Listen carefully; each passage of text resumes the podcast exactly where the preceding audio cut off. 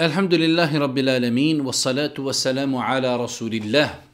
Rabbi şrahli sadri wa yessirli emri ve ehlul uqdete min lisani yefkahu qavli. Doista svaka pripada uzvišenom Allahu subhanahu wa ta'ala, salavat miri selam Allahu poslanika, Allahu minenika Muhammeda, alihi salatu wa salam, njegovu časnu porodcu, uzor te ashabe i sve ljude koji slijede put istine do sudnjega dana. Uvažna vraću i poštovani sestre, uvaženi gledatelji, evo nas u još jednoj emisiji u kojoj se družimo sa vašim pitanjima i vašim dilemama. Po ko zna koji put ponavljamo i govorimo, tražimo halala unaprijed, e, mnogo je, ali baš mnogo pitanja koja pristižu na naš e-mail.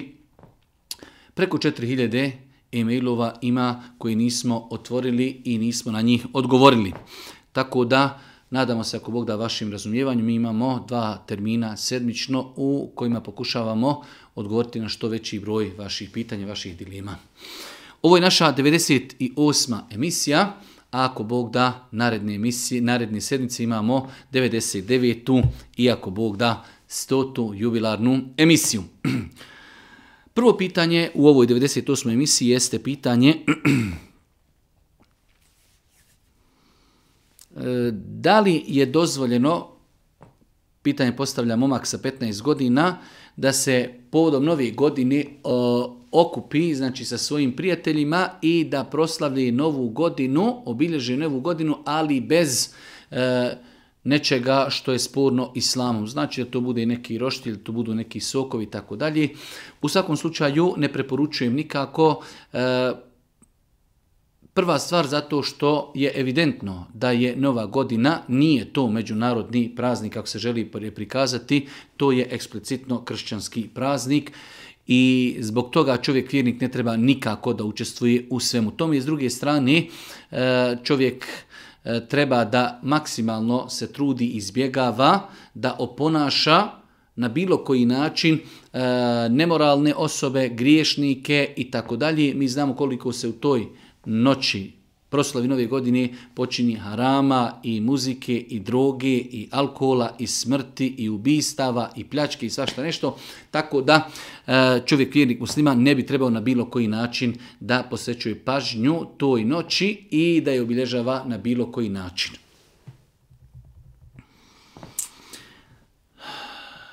Da li je obaveza muškarcu u islamu da obrije kosu za umru ili je dovoljno samo da skrati kosu? Znači čovjek vjerni kada ide na hađ ili ide na umru, jedan od sastavnih dijelova obavljanja umre i hađa jeste i brijanje glavi. Da li je to obaveza ili ne? Nije obaveza obrijati glavu, već čovjek može da skrati kosu.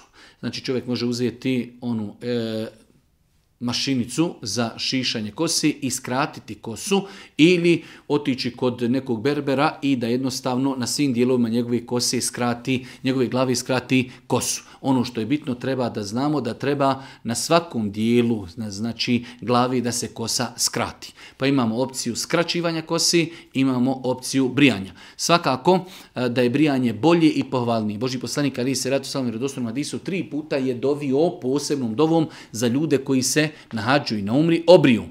A jednom je dovio za one koji skrati kosu. Tako da, ako insan ima potrebu, vratit će se možda umre. ako obnaša određene funkcije, ima neke sastanke, možda jednostavno u datom momentu ne doliči da, da bude obrijan, znači nema smetnje da prilikom obavljanja hađa ili umre samo skrati kosu. Samo da skrati kosu. Da li isti grije piti alkohol u Ramazanu? i piti e, alkohol mimo Ramazana. Pijenje alkohola je jedan od najvećih griha u islamu. Mnogo je argumenata koji potvrđuju da je pijenje alkohola jedan od velikih grijeha, velikih grijeha e, u islamu. Svakako da činjenje grijeha u Ramazanu e, je dodatno teško u islamu zbog svetosti vremena, jer Ramazan je znači poseban mjesec. Mjesec posta, mjesec noćnih namaza, mjesec teravija, znači posebnost Ramazana čini da grijesi koji se čine, veliki grijesi koji se čine u Ramazanu se posebno također tretiraju, odnosno da je grijeh dodatno veći.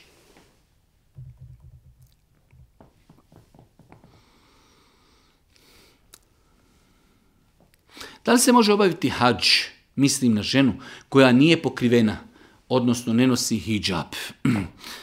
Allah da uputi sve nas koje nismo pokrivene da se pokrijemo u skorije vrijeme. E, svakako, E, da je dozvoljeno i ispravno da žena obavi hađ ili umru koja ne nosi mahramu. To su dvije odvojene stvari. E, kao što bi postavio pitanje može li klenjati namaz žena koja e, ne nosi mahramu kada ide na posao. Svakako da može i obaveza ju je. Tako da i odlazak na hađ. Ako je žena imućna, još nije počela da nosi mahramu, svakako da treba da ode da obavi hađ.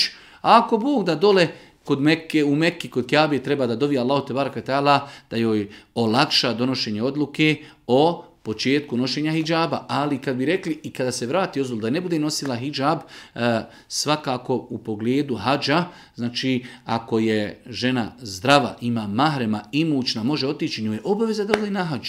Svakako kada dole odi, treba da iskoristi situaciju pa da donese odluku da se pokrije sutra kada se vrati na posao, u školu ili negdje e, znači e, u svome sokaku, kada nekoga, bila sam na hađu, donijela sam odluku, nosim hijab i to će joj olakšati donošenje odluki. Ali bez obzira i kada ne bi donijela tu odluku, da li može otići, da li je ispravan hađ i umra ženi koja ne nosi mahramu, svakako da je ispravan, svakako da prilikom putovanja na hađ i umru treba da bude pokrivena. Jedno malo duže pitanje, bila sam u restoranu sa djecom i moj je sin našao zlatnu nakupnicu koja košta eh, otprilike stotinu e, eura i tako dalje. Eh, pitanje je kome je obaveza da razglašava izgubljenu stvar. Da li da je preda restoranu ili da je razglašava onaj koji je našao, tačno je da je treba razglašavati i tu je njegov emanet osoba koja je našla. Znači, e, ova osoba, naša sestra, e, od nje su tražili iz restorana da njima to preda, ona je odbila što je ispravno postupila. Znači, ako se desimo da smo e, u nekom restoranu, u nekoj radnji i našli smo nešto, izgubljenu stvar, to je naš emanet i naš će gospodar pitati kako smo mi se ponašali prema tome. Nije dovoljno da mi kažemo evo vama pa vi to razglašavajte. Ne, naš je to emanet i mi ako smo nešto našli onda idemo po onim klasičnim standardnim propisima islama kada u pitanju na stvar čovjek treba jednu godinu dana da razglašava na načine e, dostupne njemu da razglašava da je našao određeni metak. Neće pojasniti šta i kako, kako se ne bi javljali oni koji nisu vlasnici metak. Kako je čovjek našao novčanik i u njemu novac kazat će e, nađene novčanik i to je to ni kakav je, ni koliko novca, kada dođe osoba treba da kaže kakav je novčanik, koliko novca i šta sve još ima u novčaniku. Ako bude ispravno odgovorio, mi ćemo mu to dati, to je njegovo. Ako, potre, ako promvaši boju novčanika, novac koji je bio u novčaniku i tako dalje, tada mu to nećemo davati. Godinu dana čovjek će to razglašavati, nakon toga ima pravo da to sebi uzme, a nakon toga ako bi se nekada taj čovjek pojavio, obaveza mu je da mu to vrati.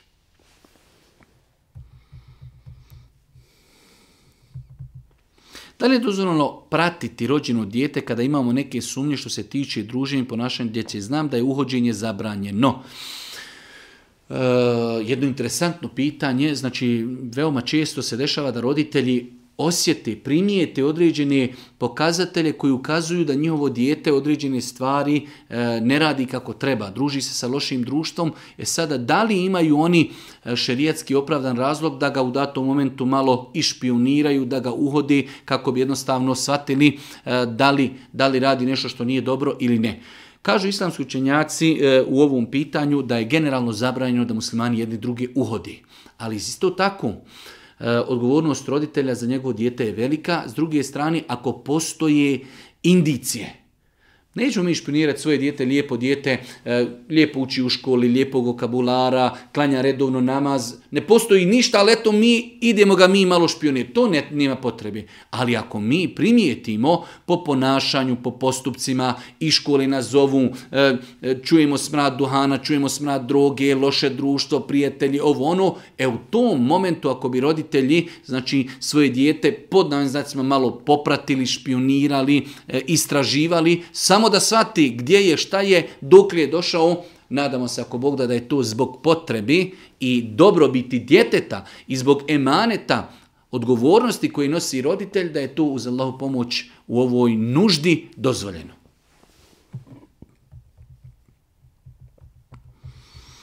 Rekli ste, ako ne griješim, da krv ne kvari abdest, ali kada pričate o tome da neko ispusti vjetar u džami treba da stavi ruku na nos kao da mu je potekla krv pa me zanima da li krv kvari abdest ili ne. Krv ne kvari abdest. Znači, mi smo više puta govorili eh, da je ispravno mišljenje učenjaka koji kažu da isticanje krvi E, iz bilo kojeg dijela tijela, da li na nos, da li znači iz neke rane, nekvari abdest, a sahabi su išli u džihad, išli su u Bedr, Uhud i mnoge druge bitke, toliko rana, toliko sablji, toliko krvarenja, nikada Boži poslanik nije rekao, e vi koji ste ranjeni, pazite, krvarenje kvari abdest i tako dalje, tako da je apsolutno tačno mišljenje da krvarenje ne kvari abdest. E sada, jesmo mi spomenuli da čovjek ako bi se desilo da u toku namaza izgubi abdest, spustio je vjetar, sad čovjek mora izaći, on će i simulirati, stavit će ruku jednostavno na nos i okrenut će se izaći, ali nismo mi na taj način kazali da isticanje krvi kvari abdest. Ali svakako čovjek kada teče krv treba da izađi, da opere usta, da opere odjeću i tako dalje, tako da na taj način čovjek koji izgubi abdest ne smije nastavljati klanjanje namaza ako izgubio abdest, ali će znači staviti ruku na nos i na usta i proći kroz safove i otići da obnovi abdest. Tako da ova dva pitanja u jednu ruku nisu povezana uzročno-posrećnom vezom. Krvarenje, da isteče nos iz nosa ili iz nekog dijela tijela rani, ne kvari abdest. Ne kvari abdest. Zanima me je li sevap i može li se davati pred dušu umrlog u neku izgradnju puta ili za džamiju? Apsolutno da. Znači, ako se negdje sakuplja novac za izgradnju puta ili se pravi džamija i mi dajemo 100 maraka, a u našem srcu je namjera ovi 100 maraka dajem e, u ime svoga oca, ime svoje majke, u ime svoga djeda, u ime svoga i tako dalje. Nema nikakve smjetnje da znači mi damo sadaku na ime nekoga koji je umro eh, u stvarima koje su od opće koristi za muslimane, da li je to put, da li je to most, da li je to džamija, da li je to voda i tako dalje. U nekoliko vaših emisija slušam kako govorite jetim, onaj tko odrasta bez oca. Mene zanima, zar je jetim samo onaj tko odrasta bez oca ili to važi za onoga kako je ostao bez majke? Kada je u pitanju islamska terminologija, e, termin jetim se odnosi samo na onoga koji je izgubio oca prije punoljetstva. Znači dva su uvjeta, dva su uvjeta da bi neko bio jetim, da je prije punoljetstva i da je izgubio oca. Svakako da na ovaj način ne znači da dijete koji ima oca izgubilo i majku, da onaj koga bude pomagao da neće inšala imati nagradu, ali govorimo s aspekta terminologije, islamske terminologije, riječ je tim, pojam je tima se odnosi na dijete koje je izgubilo oca prije punoljetstva. Ali to nikako ne isključuje e, nagradu i dobročinstvo, e, činjenja dobročinstva djetetu koje je ostalo bez majke. E, čak u datom momentu možda nekada je takvo dijete prioritetnije pomoći nego dijete koje je izgubilo oca, nekada je ocu teži sa djecom nego e, što bi to bilo njihovoj majci, tako da pri pomoći tada i stipendijom i odjećom i hranom i obućom e, čovjeku koji je ostao bez ženi, a odgaja svoju djecu i kako je velika nagrada i veliki sevap dobro djelo pomoći takvom insanu.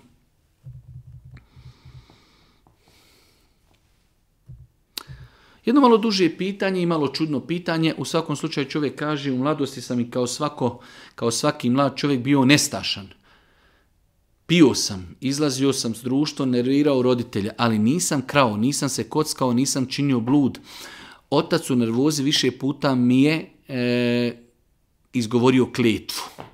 Znači, govorio bi mu otac, kaže, pokazivao bi e, u, moje dijete i govorio bi e, rasteti dijete da Bog da mu hajra ne vidio. I mislim, kaže, da mi se to sada obistinilo. E, u svakom slučaju imam dijete od 5-6 godina.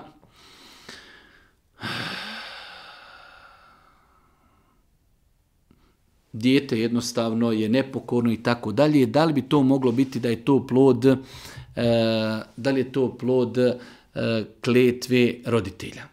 U svakom slučaju, prva stvar kada je u pitanju klijetva roditelja, e, islamski učinjaci, shodno isme Božeg poslanika, ali se ratu selam, e, nisu nikako odobravali da čovjek dovi protiv svoje djeci. Jer čovjek nekada u afektu može nešto doviti pa da se te dove primi, pa da čitav život žali zbog toga što je jednostavno brzo reagirao, možda ga dijete naljutilo pa je protiv njega uputio dovu i ta se dova obistinila. S druge strane, kažu islamski učenjaci, ako neko dovi protiv nekoga, a taj nije to zaslužio, da se ne treba bojati takve dovi. Znači, e, dova koja se prima kod Allaha jesu one dove e, kada čovjek dovi roditelj protiv svoga djeteta s pravom.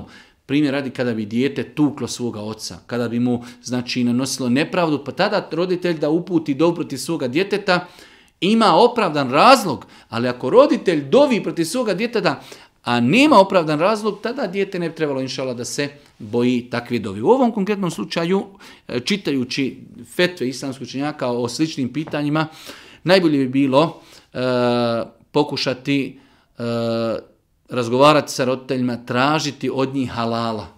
iako čovjek navodi da to nisu bile neke velike stvari, da je bio nestašan i tako dalje, ali tražiti od roditelja halala jer, e, kažu islamski učenjaci, ako roditelji dovije protiv djeteta i on od njih zatraži halala i oni mu halali, oni se nadaju da se na taj način ta, da je nazovimo klijetva, poništava. Tako da, nastaviti sa činjenjem dobročinstva jer ovdje je brat na kraju napisao E, da je on, da su roditelji i dalje živi, da se on o njima brine i da ih izdržava, to je ono što treba. Znači čovjek da bude dobar prema svojim roditeljima, da sa njima porazgovara, da, da, da im zatraži halala što možda u datom momentu dok je još bio mlad nije razmišljao o posljedicama, nije možda bio toliko poslušan koliko je trebao da bude poslašan, poslušan da traži od njih halala i inšala ako mu to halali, nadamo se i ako je to bio plod, to što se dešava sa njegovim djetetom, ako je to plod znači e, ispunjenja njihove klijetve da će to ako Bog da prestati. Radim u banci u odjelju gdje se izdaju krediti za korporacije. Ja sam u administraciji, zanima me da li je po islamu to dozvoljeno. Allah najbolje zna. E, islamski učenjaci su čak smatrali zabranjen da čovjek radi u banci da bude čistač, da bude stražar. Znači bilo kakav posao koji je vezan za strukturu banki, vezan je znači za firmu koja radi na takav način da čovjeku vjerniku nije dozvoljeno raditi, bez obzira što možda sam posao njegov, evo čovjek čistač. Ono što on čisti, to je u osnovi dozvoljeno. Ali kome on čisti? On na taj način potpomaži sistem. On potpomaže sistem tako što će lijepo očistiti da ljudi kada dođu da se tu lijepo osjećaju. Pa je on u jednu ruku saučesnik u svemu tome, tako da znači bilo kakav posao u bankama koje posluju kamatom, Allah ne bili zna, prema stavu islamskog činjaka je zabranjen. Napravila sam da mi se sa računa mjesečno skida novac, uvijek istog datuma i uvijek ista suma za sadaku. Može li to tako ili ispravno? Apsolutno da. U današnje vrijeme imate povjerljive organizacije, institucije koje jednostavno ostavljaju mogućnost donatorima da kaže e, vi svakog, ne znam, prvog, drugog, trećeg ili petog u mjesecu kada dobijete platu, automatski od vaše plate se uzima, ne znam, marka dvije, pet, sto, deset manje ili više E, na ime sadake koju ćemo mi prosjetiti određene projekte. Da li je to po islamu dozvoljeno? Apsolutno dozvoljeno i čak šta više pohvalno i lijepo zato što čovjek nekada možda i dobije novac pa možda sam trebao ovdje, možda nisam, možda hoću ovaj mjesec imam neki drugi računa i tako dalje. Onako čovjek dok je dobre volje zna da to može, e, znači dogovori se sa, sa organizacijom, sa bankom, sa svojom firmom, već kako to ide, e, znači administracijski ne znam, ali da dok legne njegova e, plata na račun, oni odma znači određen dio svotu novca prebacuju na račun kojeg je on naglasio, tako da to je svakako ispravno. Pitanje, e, slično ovom pitanju, e, ako bi čovjek dao nekoj organizaciji određenu svotu novca, i nakon toga oni da tu ne dadnu tamo gdje su rekli, odnosno ne ispuni ono što su kazali, da li će čovjek imati nagradu? Apsolutno da. Svakako da se čovjek vjernik treba paziti, ne smije dozvoliti da neko od njega pravi budalu, da se sa njim poigrava. Znači kada hoćemo davati svoj novac, nekome moramo otvoriti, što bi rekli, e, stotinu oči, da vidimo kome ćemo dati, da to budu osobe od povjerenja. Ali da se desi, mi smo dali na ime jetima, i to nije ošlo za etime. Mi ćemo biti nagrađeni po našoj namjeri da je to otišlo za etime. Ako mi damo za iftare i neko uzme pare ili proslijedi negdje drugo, mi ćemo biti nagrađeni ako Bog da shodno svojoj namjeri.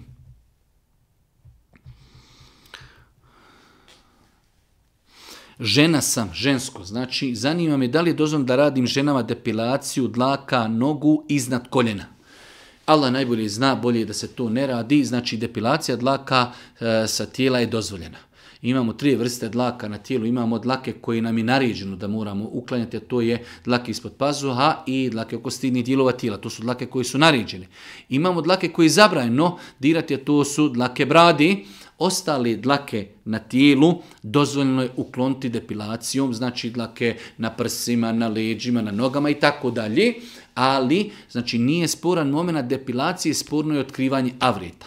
Tako da e, žena ako želi sama sebi da depilira noge u redu, ali da ode kod neke druge žene, da žena otkrije njene noge pa da, da, da depilira znači njene noge, to je neispravno s aspekta gledanje u avret, ne s aspekta depilacije. Znači rekli smo da na ljudskom tijelu postoje tri vrste dlaka, da imamo dlake koje su naređene da ih uklanjamo, to su dlake ispod pazuha i dlake oko stidnih dijelova tijela, to moramo čistiti.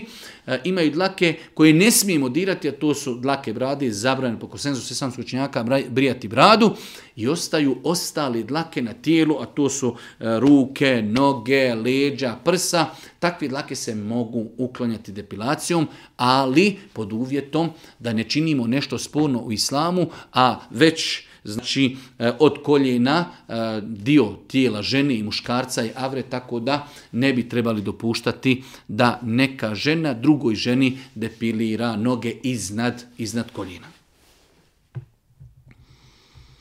Da li je grijeh moliti za svoju smrt, da se smrt, da smrt bude konačna u skorašnjim danima? Allah poslanik ali se letu sram hadijskoj Buharija je kazao nemojte priželjkivati smrt nemojte priželjkivati smrt zbog nedaće koja zadesi nekoga. Ali ako već nešto budete morali činiti, onda govorite gospodaru, poživi nas sve dok je život bolji za nas i usmrti nas onda kada nam smrt bude bolja za nas. Tako da u ovom hadisu, znači Boži poslanik u osnovi kaže nemojte priželjkivati smrt zbog nedaće koja vas je zadesila. Znači jer vjernik kada živi život ili ono što mu se dešava je dobro ili loše. Ono što mu se desi dobro, on će zahvaljivati Allah pa će biti nagrađen. Ako ga zadesi mu ne da će, on će se strpiti pa će biti nagrađen zbog toga. Ako se čovjeku doista desi da više ne može trpiti mu sibete, onda treba da dovi ovom dovom gospodaru. Ti znaš, ja ne znam. Podari mi ono što je dobro za mene. Pa kaže se u ovoj dovi, Allahumme ahjini ma kanetil hajatu hajran li. Gospodaru, poživi sve dok je život za mene bolji. I usmrti me onda kada smrt za mene bude bolja. Eselamu alaikum, zanima me da li može pokrivena žena pred Amidžom biti otkrivena. Ja sam pokrivena, alhamdulillah, pa me zanima, neko kaže da može, neko kaže da ne može. Velika, apsolutna, velika većina islamskih učenjaka Džumhur smatrao je da je Amidža mahrem trajni. Samim time, samim time ženi je dozvoljeno da ne bude pokrivena pred svojim amidžom, već da pred njim nosi ono što nosi pred svojim ocem, pred svojim djetetom, pred svojim mužem i tako dalje. Znači one stvari koje nosi standardno u kući. Nema smetnje znači da žena pred svojim amidžom prema mišljenju džumhura, većine islamskih učenjaka, nema smetnje da bude otkrivena. Slično pitanje, da li mi možete pojasniti da li mi je e, mahrem tetkin sin, to jest da li on može da me vidi bez hijjaba. Inače već 8 godina nosim hijjab i uvijek sam pokrivena pred njim. Ali sam čula od jedne sestri da tetkin sin može da me vidi otkrivenu. E, to što ste čuli od tetkini sestri, e, od, te, od jedne sestre nije tačno. Tetkin sin nije mahrem tetkin sin nije mahrem, samim tim žena treba da bude pred tetkinim sinom pokrivena.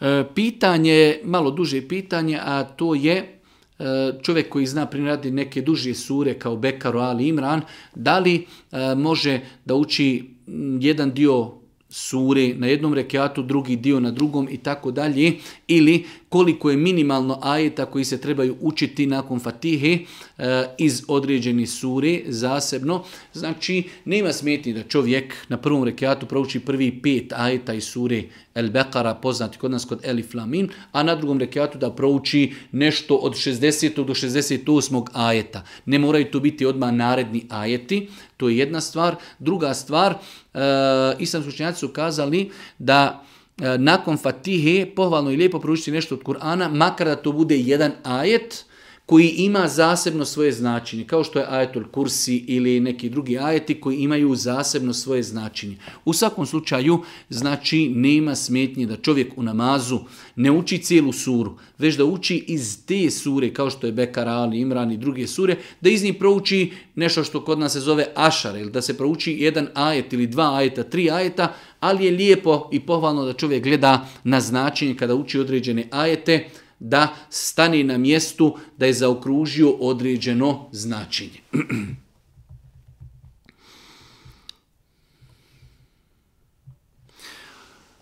Ukratko, Mati je prespavala sabah u neznanju, sačekala je podni i pita hoće li prvo klanjati sabah ili podni. E, greška je kada osoba prespava sabah čekati podni namaz. To je greška. Boži poslanik u vjerodostojnim Isma kaže osoba koja prespava ili zaboravi namaz klanjat će kada ustani ili kada se sjeti. Znači osoba koja je prespavala onog momenta kad se probudi, to je njeno namasko vrijeme. Ako je sabah u sedam, mi prespavali do pola osam i ustali smo, neispravno grije je odgoditi namaz do podni namaza. Odmah u pola osam smo ustali, idemo u toalet, abdestimo i klanjamo. I nismo griješni. Insan kada zaboravi namaz, i kada ga prespava, klanja ga onda kada se probudi ili kada se sjeti. Tako da u ovoj situaciji neispravno je. Znači žena postupila da je odgodila naklanjavanje sabaha do nakon podni. A koje je već to uradila, onda treba prvo klanjati sabah pa podni. Zato što u situacijama u kojima je dozvoljeno naklanjavati namaze, namazi se naklanjavaju po redoslijedu. Tako da u ovakvoj situaciji prvo ćemo klanjati saba, nakon toga klanjamo podni, ali smo rekli da je to neispravan način. Ispravno je odmah klanjati kada se čovjek probudi.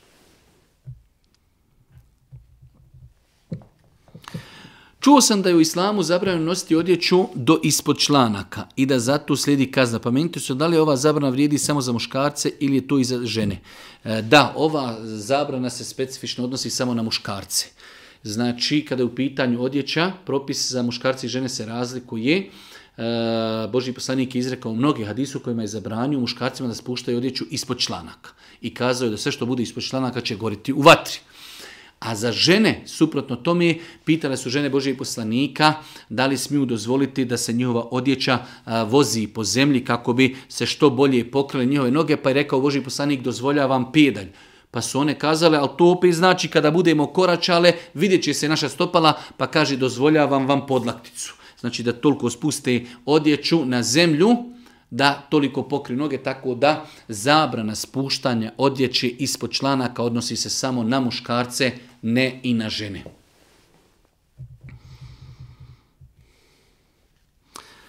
Opet standardni problemi porodični, kaže, ja praktikujem, ja sam pokrivena, praktikujem islamno moj suprug isto prakticira, ali ne obara pogled, čak i kad sam ja u njegovom pristupu. Provodi slobno vrijeme na igricama, čuva svoje slike od njegovih bivših djevojaka, Nekako sam progutala te iz njegove slike, e, ali on ih je počeo slikati i ostavljati sebi u telefon. Kada ga upitam e, zašto kaže da to nije moj problem i počinje me napadati i tako dalje. To su savremeni problemi bračnih e, drugova gdje jednostavno neko od bračnih drugova ne može da se odlijepi od svog džahilijeta, ne može da se odlijepi od grijeha koje je činio nekada. Imaš ženu moralnu, čestitu, vjernicu, umjesto da čovjek taj svoj ego, da ga malo zgazi, kažeš jedno, Allah te nagradio, hvala ti što me savjetuješ, što me čuvaš, ti, ti si moj istinski prijatelj, jer grije koji gradim valja za njega odgovarati na sudnjem danu, ti mi pomažeš da ostavim grijehe i onda muško nema, nema snagi imanske da to prihvati od svoje supruge i onda počne e, znači zanovjetati, opravdavati, ljutiti se i tako dalje, što je svakako neispravno, znači e, čuvati slike svojih djevojaka iz prošlosti je i kako zabranjeno, tako da šta možemo savjetovati našoj sestri, možemo savjetovati da se strpi u ime Allaha i možemo joj savjetovati da nastavi na lijep i blag način savjetovati svoga muža. Ja bih samo dala prijedlog temu ako može, ako već nije bilo objavljeno sa stajališta islama, to je životno osiguranje.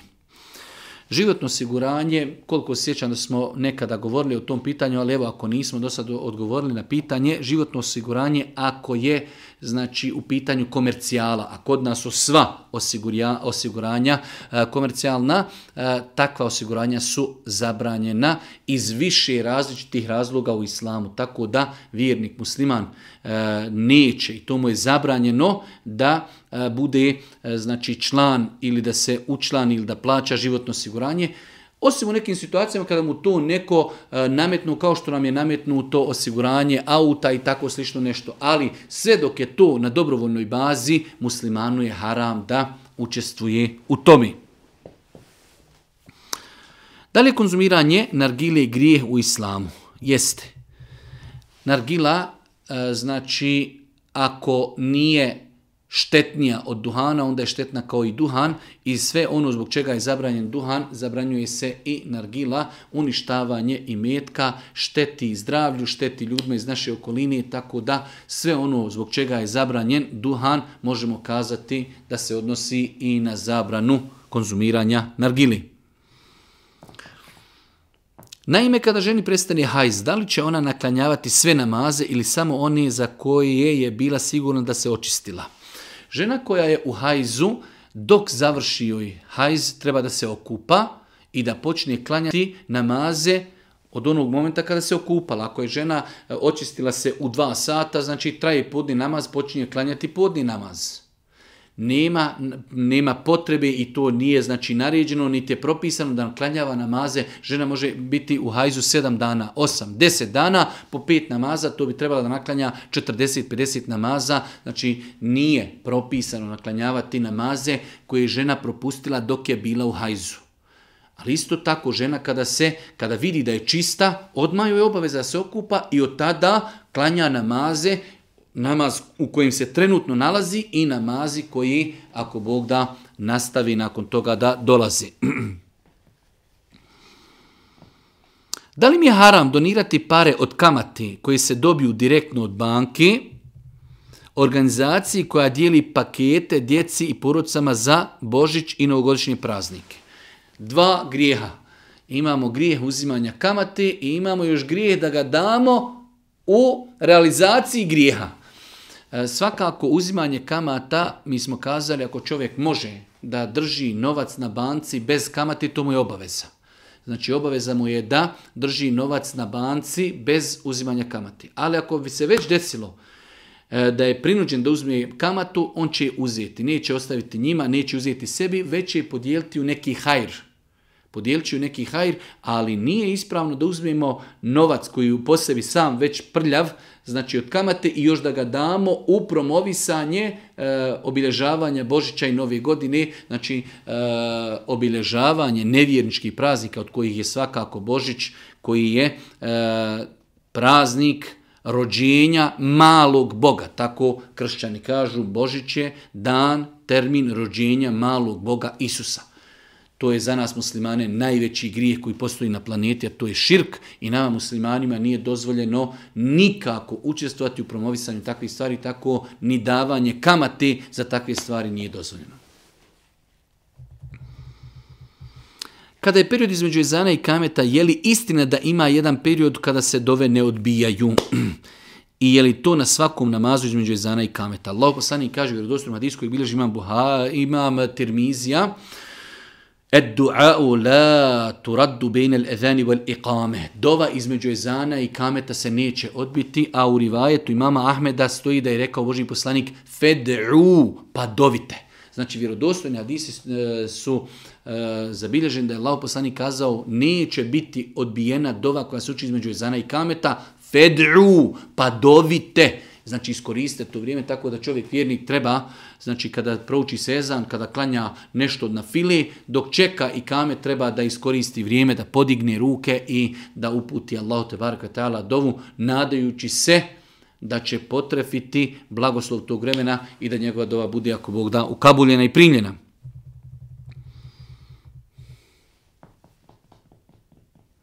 Jedno malo duže pitanje jedne naše sestre koja kaže ima 27 godina, nažalost kaže ne klanjam, e, toku Ramazana postim i klanjam. I tako nastavim 14-15 dana nakon Ramazana i nakon toga ponovo ostavim namaz. Šta ću i kako ću.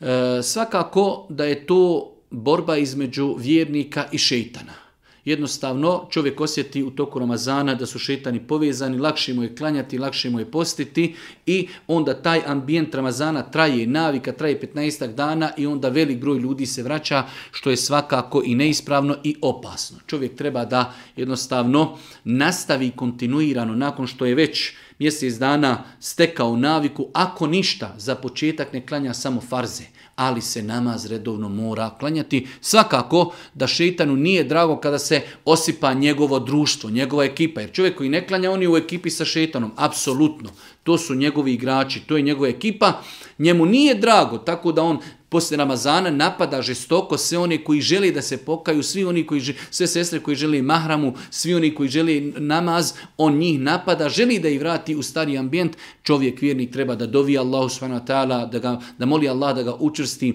da nađe sebi lijepo društvo, da se bori. Svakako, svi mi koji redovno klanjamo, Boga mi je to borba u životu. Pa nekad podne, pa nekad namaz, e, žuriš, posao, obaveze, ali Boga mi nađiš vremena, klanjaš i ideš dalje. Tako da čovjek treba da se bori, da čita o opasnosti ostavljanja namaza, da čita o vrijednostima obavljanja namaza, iako Bog da kada insan to savlada, kada osjeti slast, ljepotu namaza, onda znači e, neće postojati teoretska šansa da ostavi namaz.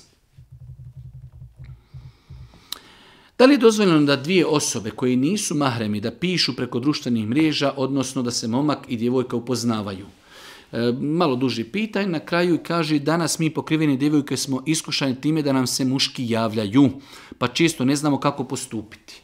Postupiti na način da žena ne prihvata prijateljstvo muškaraca kojoj nisu mahremi. Žena putem društvenih mreža ne treba da kontaktira sa muškarcima koji nisu mahremi, ako već upozna osobu koja je ozbiljna, želi sa njim da ozbiljno razgovara o braku, onda konverzacija i komunikacija putem društvenih mreža treba da bude u e, znači granicama potrebi. Konverzacija treba da bude uživo ili eventualno telefonski poziv u saglasnost sa roditeljima bez osamljivanja, a ako ima neka potreba sa ozbiljnom osobom, u pogledu braka, da se nešto i dopisuju bez emocija, znači razgovor o braku, sve to svoditi na minimum. Ali privatati prijateljstvo, dopisivati se, čatati, e, iznositi emocije, to je savremena ulema zabranila. E, 30. pitanje. Zanima me, spada li u vjerovanje u imama El Mehdija, u šiizam ili je to nešto što i sljedbenici Kur'ana i Sunneta trebaju vjerovati. Da, sastavni dio vjerovanja akide ehli Sunneta jeste da će se pred sudnji dan pojaviti Mehdija. Allah poslanik ali se letva sam spomenuje da je on iz lozi Božih poslanika i da mu je ime onako kako je bilo ime Božih poslanika. Znači njegovo će ime biti Muhammed sin Abdullahu. Muhammed ibn Abdullah Mehdija. Znači njegovo ime je Mehdi Muhammed sin Abdullahov izlozi potomak Allahov poslanika ali se letu selam koji će afirmisati i raditi na uspostavljanju pravdi na zemlji. E, pojavit će se prije Isaa i prije pojavi Deđala. Jer Isa ali se letu selam kada siđe na zemlju kao veliki predznak sudnjeg dana, Mehdija će već biti e, prisutan među ljudima, pa će on ljude predvoditi, a u safovima iza njega će biti Isa alihi salatu selam, a nakon toga će Isa alihi salatu selam ubiti Deđala. Tako da Mehdija će se pojaviti prije silaska Isa sa neba i prije u pojave i ubijstva Deđala. Znači, to je sastavni dio vjerovanja Ehli Sunnet a vjerovanje šija u pogledu Mehdija je nešto e, totalno drugo, iskrivljeno, e, izopačeno, puno bajki i tako dalje, zasnovano na, na neosnovanim batil, izmišljenim predajama, ovo je znači srž i rezime onoga što smo mi spomenuli, što bi čovjek vjernik trebao da vjeruje u pogledu Mehdi.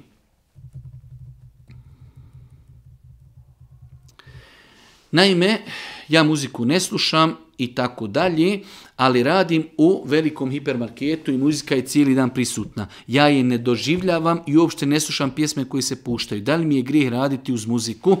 E, mi smo nekoliko puta spominjali slična pitanja. Razlika je slušati muziku ciljano. Mi je pustimo i mi slušamo. Razlika je da se nalazimo na mjestu gdje već muzika ima.